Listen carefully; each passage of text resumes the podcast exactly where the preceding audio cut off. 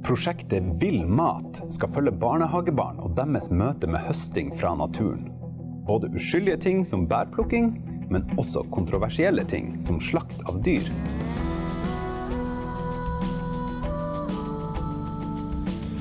Observatoriet. En forskningspodkast fra UiT Norges arktiske universitet. Med Geir Hevnskjell Ringvold, mannen som lurer på det meste, og Marit Anne Hauan, som bokstavelig talt lever av fortellinger. Og en ny, spennende forsker hver uke.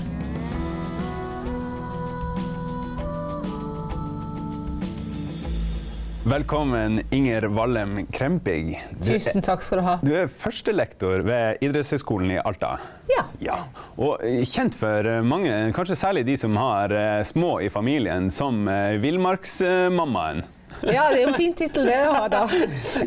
Ja, altså Grunnen til at jeg kaller det for det, det og til dem som ikke vet det, så har din familie figurert i en eh, populær NRK superserie over flere sesonger som eh, heter Villmarksbarna.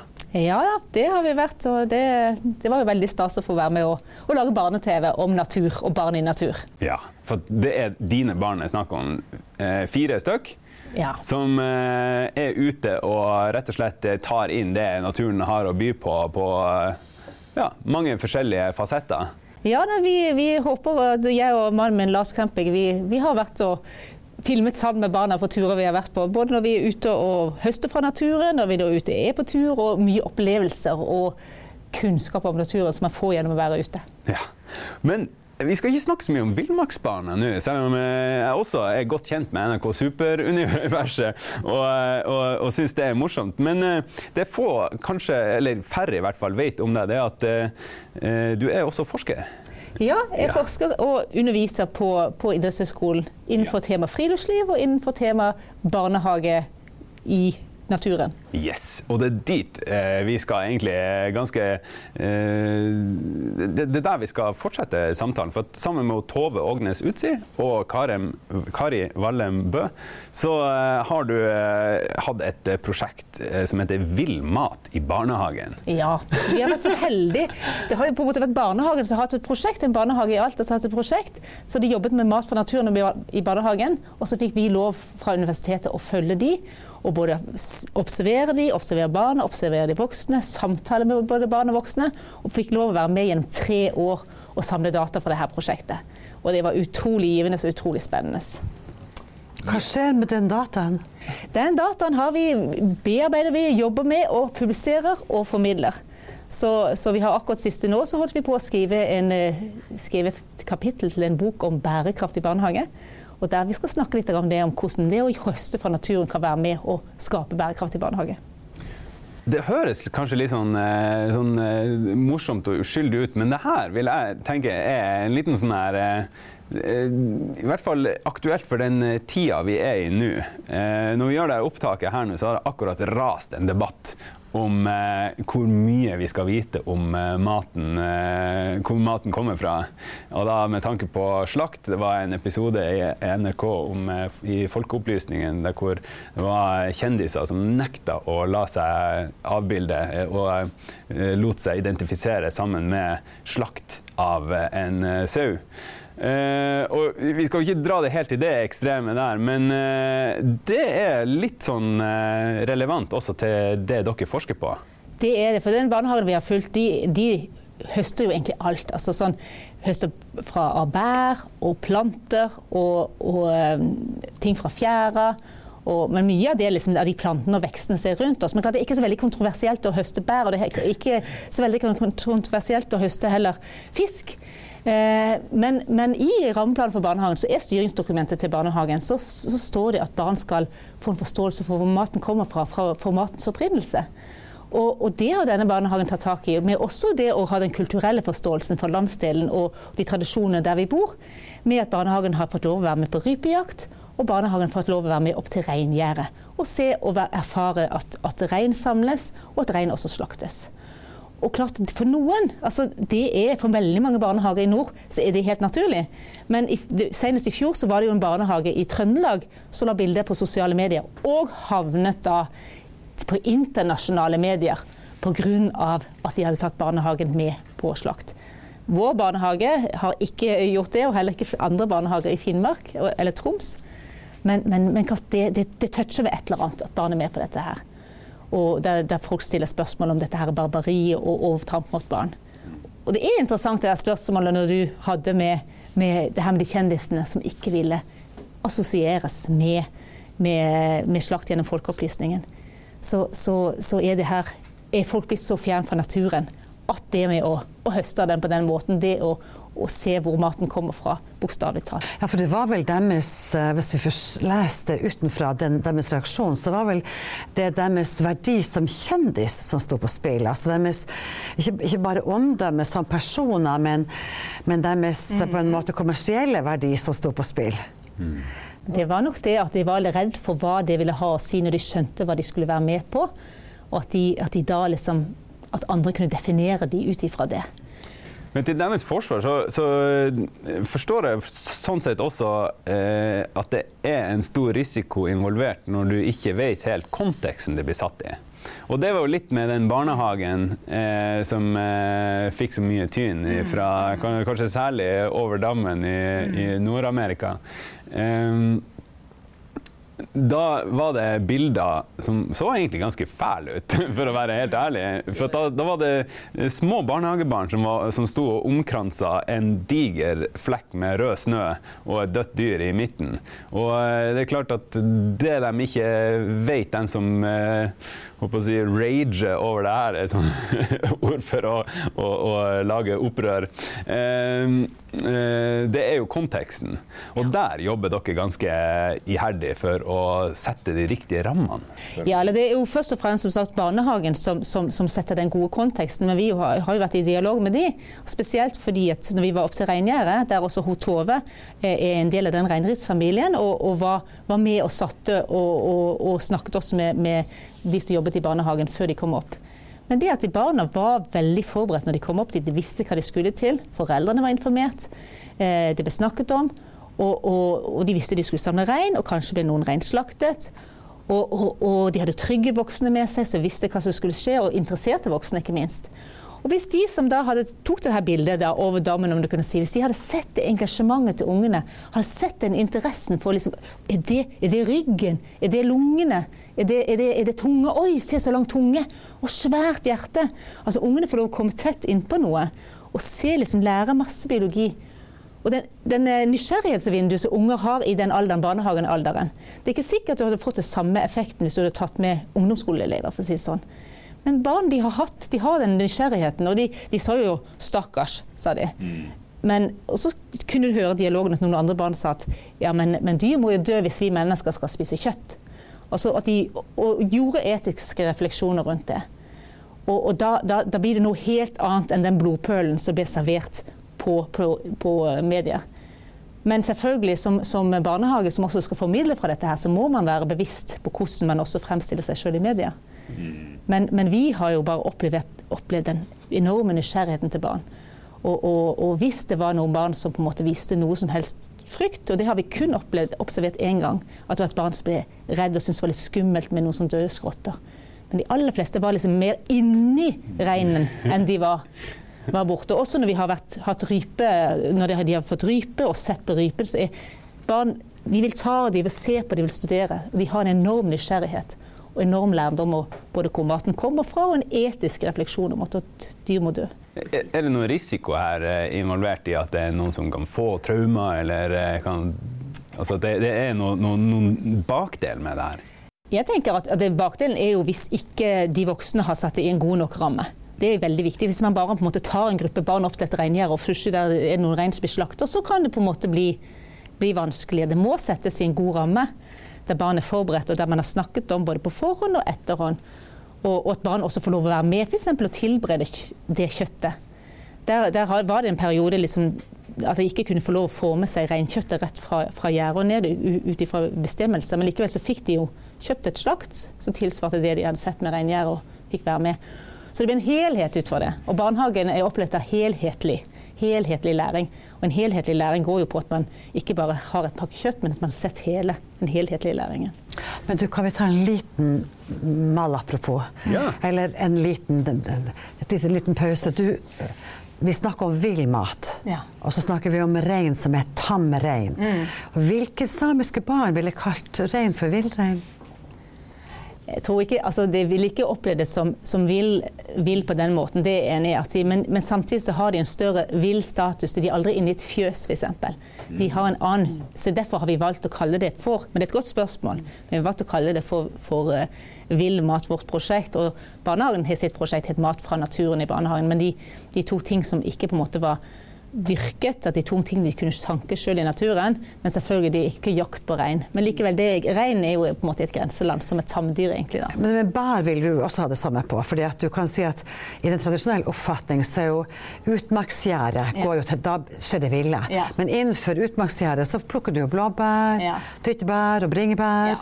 Så hvor, hvilken definisjon av vill har dere i prosjektet? I prosjektet så har vi hatt definisjonen av vill, det som på en måte ikke dyrkes. da. Altså det av den maten som der det er bjørkeløv f.eks., eller geiteramse, eller det er blåbær, eller det er ryllik som de også høstet og sånn. Men, men, eh, men du har jo rett i at, at innenfor der så er jo reinen kommer på en måte i en slags sånn grenseland. Men det er, det er jo dyr som lever vilt.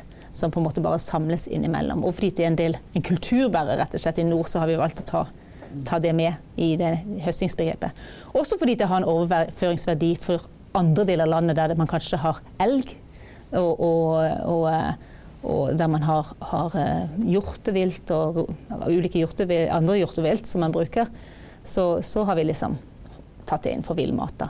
Men, men noen ville sagt Altså, Vi har ikke vært så opptatt av måte den grensen, men vi har ikke tatt med liksom, Barnehagen sjøl har også høstet poteter, og de har, men de har ikke, de har ikke og plukket bær fra, fra altså, ripsbær og solbær. Men innenfor det, liksom, mat fra naturen så har de sjøl liksom, lagt mest det som de ikke trenger å dyrke. Jeg skjønner egentlig bruk av, av rein som eh, symbol på, på vill mat. fordi jeg tror det har vært enda større reaksjoner hvis dere har dratt med en barnehage ut på elgjakt på post. Eller noe sånt. Som eh, eh, ikke minst er veldig, veldig tidskrevende. Det kan det være. Det høres fornuftig ut. Men eh, i tillegg da til at dere får tilbakemeldinger på denne her eh, nysgjerrige eh, Altså de, de, eh, den iveren etter å studere og Ja. undersøke og Hva annet, annet er det dere har eh, funnet i dette prosjektet? Altså det, vi, det vi ser, det er jo En ting vi akkurat nå har skrevet en, en artikkel om, eller et kapittel om, det er jo hvordan de voksne og barna sammen gjennom å ha et felles prosjekt, så lærer de voksne av hverandre, og så lærer de av å jobbe sammen med barn. Altså Barn og voksne lærer i fellesskap og utvikler prosjekter i fellesskap. Og så lærer også barn barn av hverandre og ha dialoger. Så det er en ting som er kjempespennende, hvordan et sånn, en sånn felles interesse og engasjement skaper et praksisfellesskap i barnehagen som rett og slett bygger opp kompetansen i hele barnehagen, ikke bare hos de voksne, men også hos ungene. Er det avhengig av villmat? Nei, det trenger ikke være avhengig av villmat. Det er avhengig av den konteksten det skjer i. Mens villmat er en veldig fin kontekst å ha dette her i. Det kan være i andre typer prosjekter. Men den konteksten som vill mat er, det der fellesskapet som de får, det har vært, det har vært kjempespennende å se på. Vi har sett litt, jeg har bare touchet litt innom dette her med språkutvikling, enorm språkutvikling. Der er f.eks. et barn som, som, eh, som har fremmedspråklig bakgrunn, begynte å liksom smake seg rett og slett inn i språket, og noe av det første ordet vedkommende sa var krøkkbær. Nettopp fordi det var en sånn kontakt med det her med å kunne smake. Så, så det barnet smakte seg rett og slett inn i det norske språket. Og så har vi sett på natur, altså hvordan barn uttrykker kunnskap om naturen og interesse for og engasjement for naturen. Som, som, eh, som rett i tråd med det som står i barnehagen, med at hva barn skal få. At de skal få en, både en begynnende forståelse for bærekraftig utvikling, og de som skal forstå, liksom, bli kjent med, med naturen som omgir dem. Og, og bli kjent med dyr og vekster osv. Så vi, og den, den kunnskapen som barn får ved å få lov å ta på og smake på og være til stede, den, den er jo helt utrolig å være vitne til. Og at barn får også kunnskap om hvor maten kommer fra. Som jeg sa, det står i, i, eh, i, eh, i rammeplanen. Og, og, eh, og det, liksom, det var jo litt artig, det var et barn som hadde sagt, spurt ma- mammaen hva de skulle ha til middag. Og mora fortalte det når hun kom hjem, og hvordan det også smitta hjemme. Da, denne engasjementet, at Barn hadde sagt at jeg, jeg vil ikke ha kjøtt, jeg vil ha skikkelig mat, jeg vil ikke ha kjøttboller fra Rema, jeg vil ha reinsdyrkjøtt. så, så, den matinteressen som barn også har, og til og med har fått lov til å utvikle og utfordre seg sjøl litt på å smake på ting, eh, der, der, hvordan barnehagen også har brukt det til å ha smakeverksted, og smake på litt forskjellige ting, og smake på forskjellige typer fisk der barn kanskje utvikler også en nysgjerrighet til smak, som er kjempeviktig for den fremtidige matvanene deres i forhold til sunn mat. Så, så, vi syns jo at vi har sett utrolig mye spennende. Vi har sett så mye spennende, vi har ikke tid, har tid til å publisere om alt, for å si det sånn. Men vi formidlet en god del på både nasjonale og internasjonale konferanser på rundt det, på, og seminarer. Men er målet det at eh Eh, alle barn i Norge skal bli litt sånn som din familie, hvor ungene gir hverandre eh, turer i bursdagsgave? Nei, målet, altså målet, for oss med å formidle rundt fra dette prosjektet Barnehagen sitt mål var jo at barn skulle få en forståelse for naturen og for maten kom fra. Det var barnehagen sitt mål. Men så så de etter hvert at det var så mye mer de fikk gjennom prosjektet. Og vårt mål med både publisere og formidle fra prosjektet, det er jo at, at eh, de som hører om dette, kan se at Vill mat, eller mat fra naturen, kan være en måte, en innfallsvinkel til at barn skal lære alt dette her. Både lære om naturen, lære om at den kommer fra kunnskap, språk, alt. Eh, og at, at, de, at, alle barn, altså barnehager kan, Det er ikke alle som kan gå ut og gå på rypejakt, men alle kan høste noe fra naturen. Alle, de aller, aller fleste barnehager i Norge, med mindre de er midt i Oslo sentrum, så har de kanskje de kan smake på vekster, de kan smake på kanskje altså, ulike bare grønne vekster, blader, og de kan også smake på bær. Og at alle barn får en måte å At, at alle barnehager kan se hva de kan gjøre. Fordi det å høste fra naturen gir en veldig sånn nærhet til naturen til barn. Skal vi trøste de der barnehagene i storbyene? Ja. F.eks. i København så har man laga et prosjekt som en, ligger ute på nett som heter Byhøst. Ja. Man kan gå ut og høste det som er vilt i, i, i, i sentrum av København. Ja. Det gror nøtter nøtter, moreller bl.a. Så trær som har spredt seg sjøl. Mm, mm. Rester etter gamle hager. Så du kan liksom også i byer kan du faktisk gå ut på høsting. Mm, dumpster diving. Ja. det er kanskje en litt annen sjanger. Det er kanskje en annen sjanger, ja. Nei, men, sånn- men, ja. Så alle barnehager kan oppleve noe, og det, jeg tror det appellerer til denne her grunnleggende. Vi er jo samlere og høstere helt i bånn i det biologien vår. Er vi det? Vi er jo det. Det er jo der, det, det er der mennesket Hvis du går tilbake til, eh, til eh, opprinnelsen, så, er der, så har vi hele tiden sanket fra naturen. Så jeg tror veldig mange som driver med, med jakt, fiske, bærplukking, så appellerer til det her grunnleggende behovet vårt til å, til å, til å finne mat, til å sanke mat. Det er rett og slett grunnbiologien. Vet du hva, det der, der må jeg skyte inn en liten sånn digresjon, fordi jeg kjenner meg veldig igjen i det du sier nå. At det er akkurat som man, man blir sånn påminnet om at det her er gjemt inni oss en eller annen plass. Det her er urinstinktet. Mm. For jeg, jeg har sjøl gått på jakt, og det er aldri ellers i livet mitt opplever at sansene mine er så sharp og så gode som når man er ute i skauen og er helt avhengig av å få små clou i form av lyder og se konturer. Og det er et eller annet sånn Jeg føler at jeg får litt sånne superkrefter, rett og slett. Og ikke minst så vekker det en sånn nerve og et adrenalin som ellers aldri opplever fra, fra eh, gullrekka på NRK. Nei, det, det, det, har du helt rett i. at det, det, og, og det har jeg helt glemt å si, at også når barna er med ute her og høster og vil være med, så har de en motivasjon for å bevege seg. Og de har motivasjon for å være med. Og, og, og de, kan, det er jo noen som da har vært med på rypejakt f.eks. altså det er det personalet som har jegerprøven, som har med seg våpen. Det er kanskje ikke så ofte de har fått noe, men de har fått opplevelse av å være med. Og når de får lov å gå der De kan gå så langt som bare det. Og, og, og, og, også det å ut og plukke bær. De har motivasjon for å bevege seg. De går og ulendt terreng beveger seg. Så, så den, også den utviklingen av, det, av eh, sanseapparatet, av det motoriske apparatet, av, av fysisk kapasiteten til barn bedres også gjennom det å få lov til å være ute i naturen på den måten. Så, så ja, jeg tror at vi har at det er bare positive ting, egentlig. Ja, ja, ja. Hvis man legger til rette på en god måte. Men kritikerne, hva sier de? Kritikerne, jeg tror ingen som sagt kritiserer noe særlig at, eh, at, man skal plukke bær med mindre de har masse giftige bær i nærheten. eh, men kritikerne sier f.eks. det med rypejakt. At f.eks. skal barn da være med og, og, og jakte på rødlistearter. For nå har det jo vært sånn at, at ryper har havnet inn på rødlista med overtruede arter fordi man er usikker på bestandsstørrelsene. Men det her er jo ikke snakk om i forhold til rypejakt, så er det jo ikke snakk om at barn skal, liksom, altså man skal gå rundt og skyte ned på, på, på dyr. Det har jo vært snakk om at, at, eh, at, de skal på en måte lære hvor maten kommer fra, nemlig ut ifra det som man kan høste i nærområdet. Så, så de, de, det er jo ikke noe sånn stor inngripen. Man kan også lære at vi skal ikke ta så mye ryper. Altså jeg mener at man kan, man kan bruke den innfallsvinkelen òg. Eller at skal, barn skal lære liksom at, at, at, de skal på en måte underholde, som du kan si det sånn, av at dyr dør. Men det er ikke snakk om underholdning. Det er snakk om på en måte en, en, en, at man får se hvor det kommer fra, og at man får en respekt for det. Respekt for dyrene. Så, så jeg skjønner jo på en måte vinklingen til, til, eh, til eh, kritikerne, men jeg tror de må se, de må se forbi liksom det der eh, altså, det, det, her er ikke snakk om en underholdning, det er ikke snakk om barbari. Det er snakk om rett og slett helt sånn at barn får være med innenfor trygge rammer. Jeg hadde ikke tatt kanskje barn med til et slakteri, for å si det sånn, for det er noe annet. Da blir, det, da blir man på en måte stående med på avstand.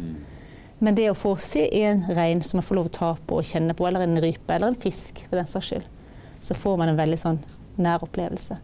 Å sitte med, se de ungene som sitter der med et rypehjerte i hånden og bare sitter og kikker og kikker, eller å se med, se med ja, selv om det sikkert er vanskelig å få noen sånne resultater på det, så vil jeg jo tenke at det er, sånn, på sikt kan gjøre at folk får et, eh, et, et eh, mer bevisst forhold til f.eks. For matsvinn og eh, sånn, sånn, type problematikk som vi kanskje i dag syns er litt sånn litt i overkant. Og at det er veldig sånn bruk og kast, men at hvis man nå ser hvor mye som skal til for faktisk å få fremstilt en de 400 grammene med kjøttdeig. Ja. Altså, I form av at det er noen Det kommer fra en plass. Det kommer fra en plass, og det er mulig å, å få laget selv. Og også man ser at hva, ja, hva er det som skal til for at det blir så og så mye bære, hva skal til for at vi skal få kjøtt og for, få fisk. Jeg tror at man får, kan også ha en større matbevissthet, som du sier. Også. Det er kanskje litt dobbelt, fordi at når du går i skogen i dag, også med dine små barn eller barnebarn, så ser man jo enorme mengder uplukka bær. Ja. Så det er jo liksom ikke noen grense for hvor mye bær det finnes. Nei, nei. Og det er jo også en annen, og du ser reinflokkene er kjempestore, så det er jo en litt vanskelig balansegang. Eh, det som jeg lurer på, det er jo det sensoriske. Mm. Ser dere noen ting på, hva, altså på følelsesapparatet i, i fingre og i, altså, i sånn der sensoriske kapasiteten til ungene? Ja, du kan jo si det her fingergrepet, ja. sant? det bekjente fingergrepet på finmotorikken. Hvorfor skal du ta og sitte inne i barnehagen og perle perler når du kan gå ut og bevege deg og få, få bevegelse, og i tillegg kan plukke bær med, med fingergrepet? Så er disse her små som sitter der. Altså, de kan være med og få, få, det, også det finmotoriske gjennom det her. Og det sensoriske, altså det å utvikle smaksapparatet, det har jo barnehagen vært veldig flink til. At de kan smake, ha smakt på forskjellige bær. Og så skal de beskrive smaken. Hvordan smaker det bæret? Og da har barn som egentlig ikke liker bær, også vært med, for de har syntes det er spennende å beskrive hvordan de forskjellige bærene smaker. Så, så, eh, så, så, eh, vi har ikke gått grundig altså Vi har stort datamateriale, vi har ikke gått så grundig inn på alt. Men, men det er så mye av det som har med både med, med folkehelse rett og slett, og med, med, med, matkultur og med tradisjoner og kulturbevaring og naturkunnskap. Det er så mye der gjennom det å bruke naturen på den måten. Der barn får en veldig naturlig nærhet til naturen. Så vi syns er helt fantastisk å ha sett. da. Du sier at dere har publisert både nasjonalt og internasjonalt, og du skal jo snart til Australia for, for, å presentere. Hva, hva kan de lære av eh, jeg tenker det må være livsfarlig å sende en barnehage ut i, i skogen ja, der. Altså, jeg, jeg, tenker at For oss handler det mest om det å være med på sånne internasjonale konferanser. Vi har ikke publisert internasjonalt ennå, men vi har formidlet internasjonalt. Ja. Og Det er jo det å på en måte få spille litt ball med andre kulturer og andre synspunkter. Og formidle den tradisjonen som ligger i høsting. For den ligger også i andre land. Eh, der. Og klart, og Der er det veldig sånn situasjonsbetinget, der noen tenker oi, det her må vi prøve å få til. For det, det er ikke så avansert. Noen skal si liksom, som jeg sa, at det er ikke alle som kan det er ikke alle som kan gå ut bare ut fra barnehagen og dra på rypejakt, sånn som man kan en del plasser i Nord-Norge. Men alle noen, de aller fleste har vekster, spiselige vekster i nærheten av seg, til og med i store byer. Og, og, og, jeg tenker at de kanskje kan også i utlandet, altså vi kan få input på hvordan det her gjøres i utlandet. Og de kan få input for hva vi har sett i våre prosjekter. Som, så vi, vi, derfor ønsker vi også å kunne formidle internasjonalt. Til, eh, for det her er jo kanskje en veldig sånn nordisk tilnærming. Men, eh, det er jo en stor økning av vegetarianere blant unge ja. mennesker. Mm. Og til og med veganere blant mm. unge mennesker. Mm. Og det, det, det, vil jo eh, så det, det, vil jo si at når de vokser opp og skaffer seg familier, mange av dem har jo gjort det allerede, mm. så vil vi jo få et enda høyere enn en voksende gruppe i befolkninga som er vegetarianere. Mm. Vil, dere, er det det, vil dere imøtegå dem, eller vil dere Nei, jeg vil ikke imøtegå dem, men jeg vil si hvis noen barn på en måte får en opplevelse av hvor maten kommer fra, og så da tar de en, på et reelt grunnlag tar seg et valg når de består at jeg vil være vegetarianer, så har de på en måte gjort det på et, et eh, erfaringsmessig grunnlag. Kvalifisert. Ja, kvalifisert grunnlag, og så kan de gjøre det. Og Jeg har diskutert dette her med vegetarianere, og jeg kjenner har venner som er vegetarianere, og de kan si at hvis jeg skulle spist noe, så ville jeg spist viltkjøtt. Fordi det, det, har noe med, med det, det ressursforbruken på det dyret, det har noe med det etiske hvordan det dyret har hatt det. Jeg kjenner meg veldig igjen i. Ja. Ingenting som smaker så godt så liksom, på samvittighet ja. som, eh, som, vilt og, og, fisk som eh, ja. ikke har vært eh, gjennom industribåndet. Nå, nå, har vi ikke snakket så mye om fisk, da, og jeg har også lyst, lyst, til å si litt om fisk. For, for, det har jo også vært utrolig spennende når vi har vært på fulgt barnehagen på fisketur, og de har fått forskjellig fisk. Og bare sett, altså, både å få smake på fisk og bli kjent med hvor de aller fleste kan si laks og ørret, men så mange som ikke kan noe mer enn det. Så har de vært nye begreper, men de har også brukt liksom, sett på formen til fisken, mønsteret til fisken, fargene til fisken. Eh, ting som rett og slett litt, nesten litt tidlig matematikk. Og så har de brukt det på å argumentere med hverandre hva slags fisk de har funnet. Og, og, og det syns jeg også er, er, er, Altså fisk er jo ofte mindre altså mindre kontroversielt da, å bruke. Men fisk er også en ressurs som man har tilgjengelig i mange, veldig stor del i Norge. Da, og, og, kan få fisk. Og man ikke, bor man et sted man ikke kan fiske fisken sjøl, okay, så kan man kanskje få kjøpt en hel fisk, iallfall, og få studert fisken. Laks og ørret er vel nok mer en eksklusiv Alta-greie. Jeg kan aldri huske at vi har gjort noe stort nummer ut av det. Det var mest torsk og sei i min oppvekst. Men eh, godt poeng der. At eh, det, det, får man jo stort sett i frysedisken. Eh, som man, eh, man, kan se også. Men også der er det liksom at barn kan se at, at det finnes forskjellige typer fisk. Ja. Og at fisk er no, en råvare som man kan bruke ren. Og det er også det som, som eh, Det finnes jo noen som holder som heter Fiskesprell. Det er de som ønsker en sånn organisasjon som, som har, har, har, etablert at barn skal bruke mer få mer introdusert fisk i, gjennom barndommen i, i, maten, spesielt i barnehage og også i skole, bruke fisk mer. Mm. Og det er også en veldig fin ting å kunne kunne koble seg inn på å bruke mer fisk også i altså av helsemessige årsaker. Da. Men det forbigår stort sett i stillhet, for at fisken har ikke søte øyne. Nei, sant. Det er jo litt der at, at, Men også der så har vi jo på en måte har vi sett at barnehagene bruker veldig sånn det her eh, Opptatt av at barn også skal få en forståelse for at fisk, vi avliver den raskt, vi bruker det vi får. Og, og, og vi, vi, liksom, vi, spiser den. Og så har vi også kunnet sett at de at de som jobber i barnehagen, må utfordre seg sjøl på hvis man får fisker der man ikke kjenner. F.eks. lake. Det er en fisk som mange ikke er vant til å bruke. Og så har de voksne også blitt utfordret selv på at ja, kan man spise lake? Eller de har voksne blitt utfordret når man da slakter rein f.eks. Kan man spise kjøtt på reinhue? Er det noe vi kan spise? Så får også de voksne i barnehagen liksom utfordringer i forhold til det her med, med å bruke mat, og hva kan spises. og ressursbruken. Kjempeartig. Det blir spennende å følge med videre når dere får publisert litt mer. Ja. Men du er jo eh, altså, Hva var veien fra Os utenfor Bergen eh, til Alta for deg? Den, den, veien var at jeg hadde hørt på Du gikk på... gjennom sko og kratt og endte opp der til slutt? Jeg hører på dialekt. Norge på langs. Norge på langs. Nei, dessverre. Jeg har ikke gått Norge på langs. Det tror jeg skal gjøre når jeg har passert 60. Da kan jeg kanskje gå Norge på langs. Men, eh, men jeg, har, eh, jeg, har, jo alltid hatt en interesse for natur. Og, og eh, da, jeg, da, jeg, da, var ferdig på videregående, så tok jeg, gikk på folkeskole. Det som da het Øytun folkeskole, som nå heter Alta folkeskole. Så gikk jeg et år der, og så jobbet jeg der et år. Og så trivdes jeg så godt i Finnmark og nord at jeg ville bli i nord. Men jeg dro sørover for å ta utdannelse som naturforvalter på det som da het Landbrukshøgskolen på Ås. Og så kom jeg tilbake til nord først et par år her i Tromsø på, eller Troms på folkehøyskole, og så til Alta igjen. Så jeg jobbet på folkehøyskole frem til 2010, men siden da jobbet jeg på Høgskolen i Finnmark og nå universitetet. Norges arktiske universitet, som det heter. Ja, det er bra. Eh, Var din familie sånn som eh, Altså, familien du vokste opp med, var den familien sånn som den familien du har i dag?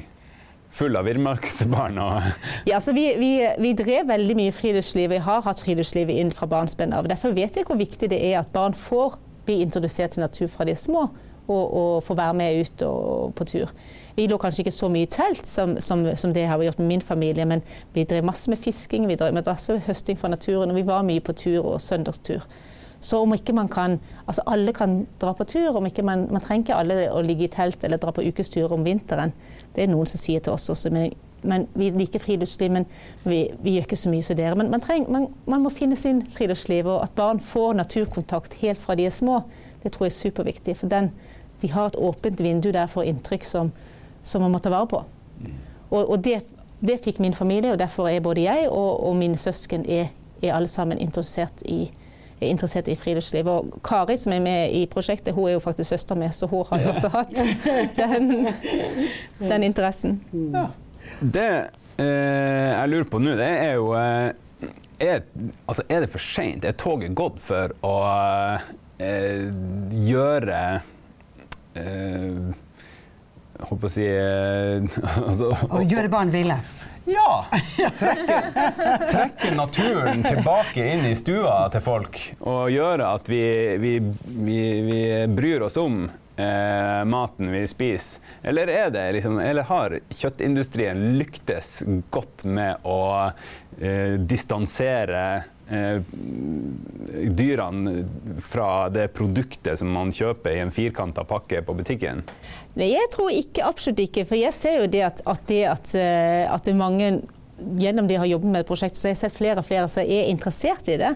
Og, og, og at barnehager blir interessert, og at flere, også skoler, at, man, at jeg har oppdaget mer og mer hvordan det drives med det rundt omkring. Så jeg tror jo ikke at det er for sent, og aldri for sent for noen ting. Eh, men, men, jeg tror det er viktig at man, man, som foreldre, at man som besteforeldre, tanter og onkler, eh, folk som jobber med barn og ungdom, er bevisst på å introdusere dem. Og så har jo sosiale medier en veldig, veldig rekkevidde. Det har jo blitt en sånn økning nå av Instagram-bilder der folk er på tur. Altså det har blitt litt sånn det å vise at man er ute.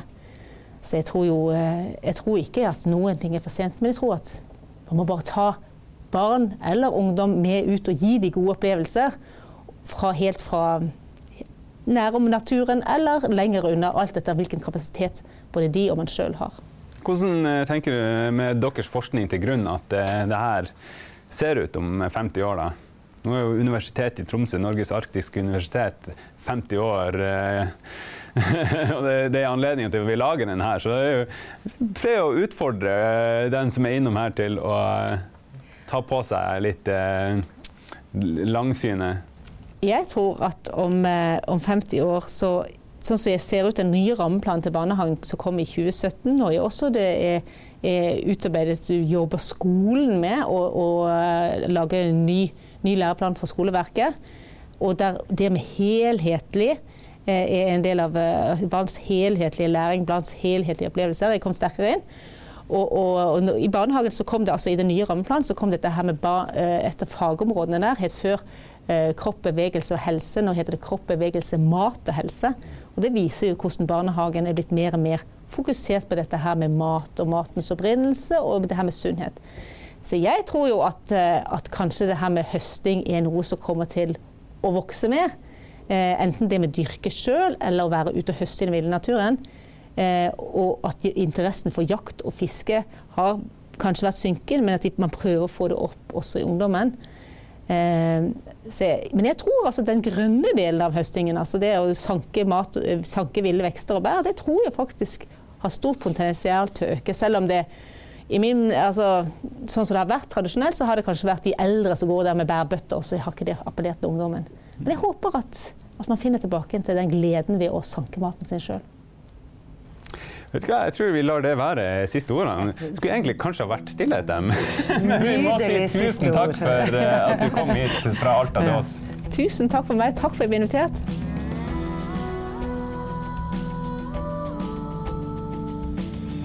Vil du lese mer om forskninga til Inger Wallem Kremping, kan du gå inn på uit.no 50. Du kan også abonnere på podkasten vår Observatoriet på iTunes og andre podkast-apper. Vi høres igjen om ei uke.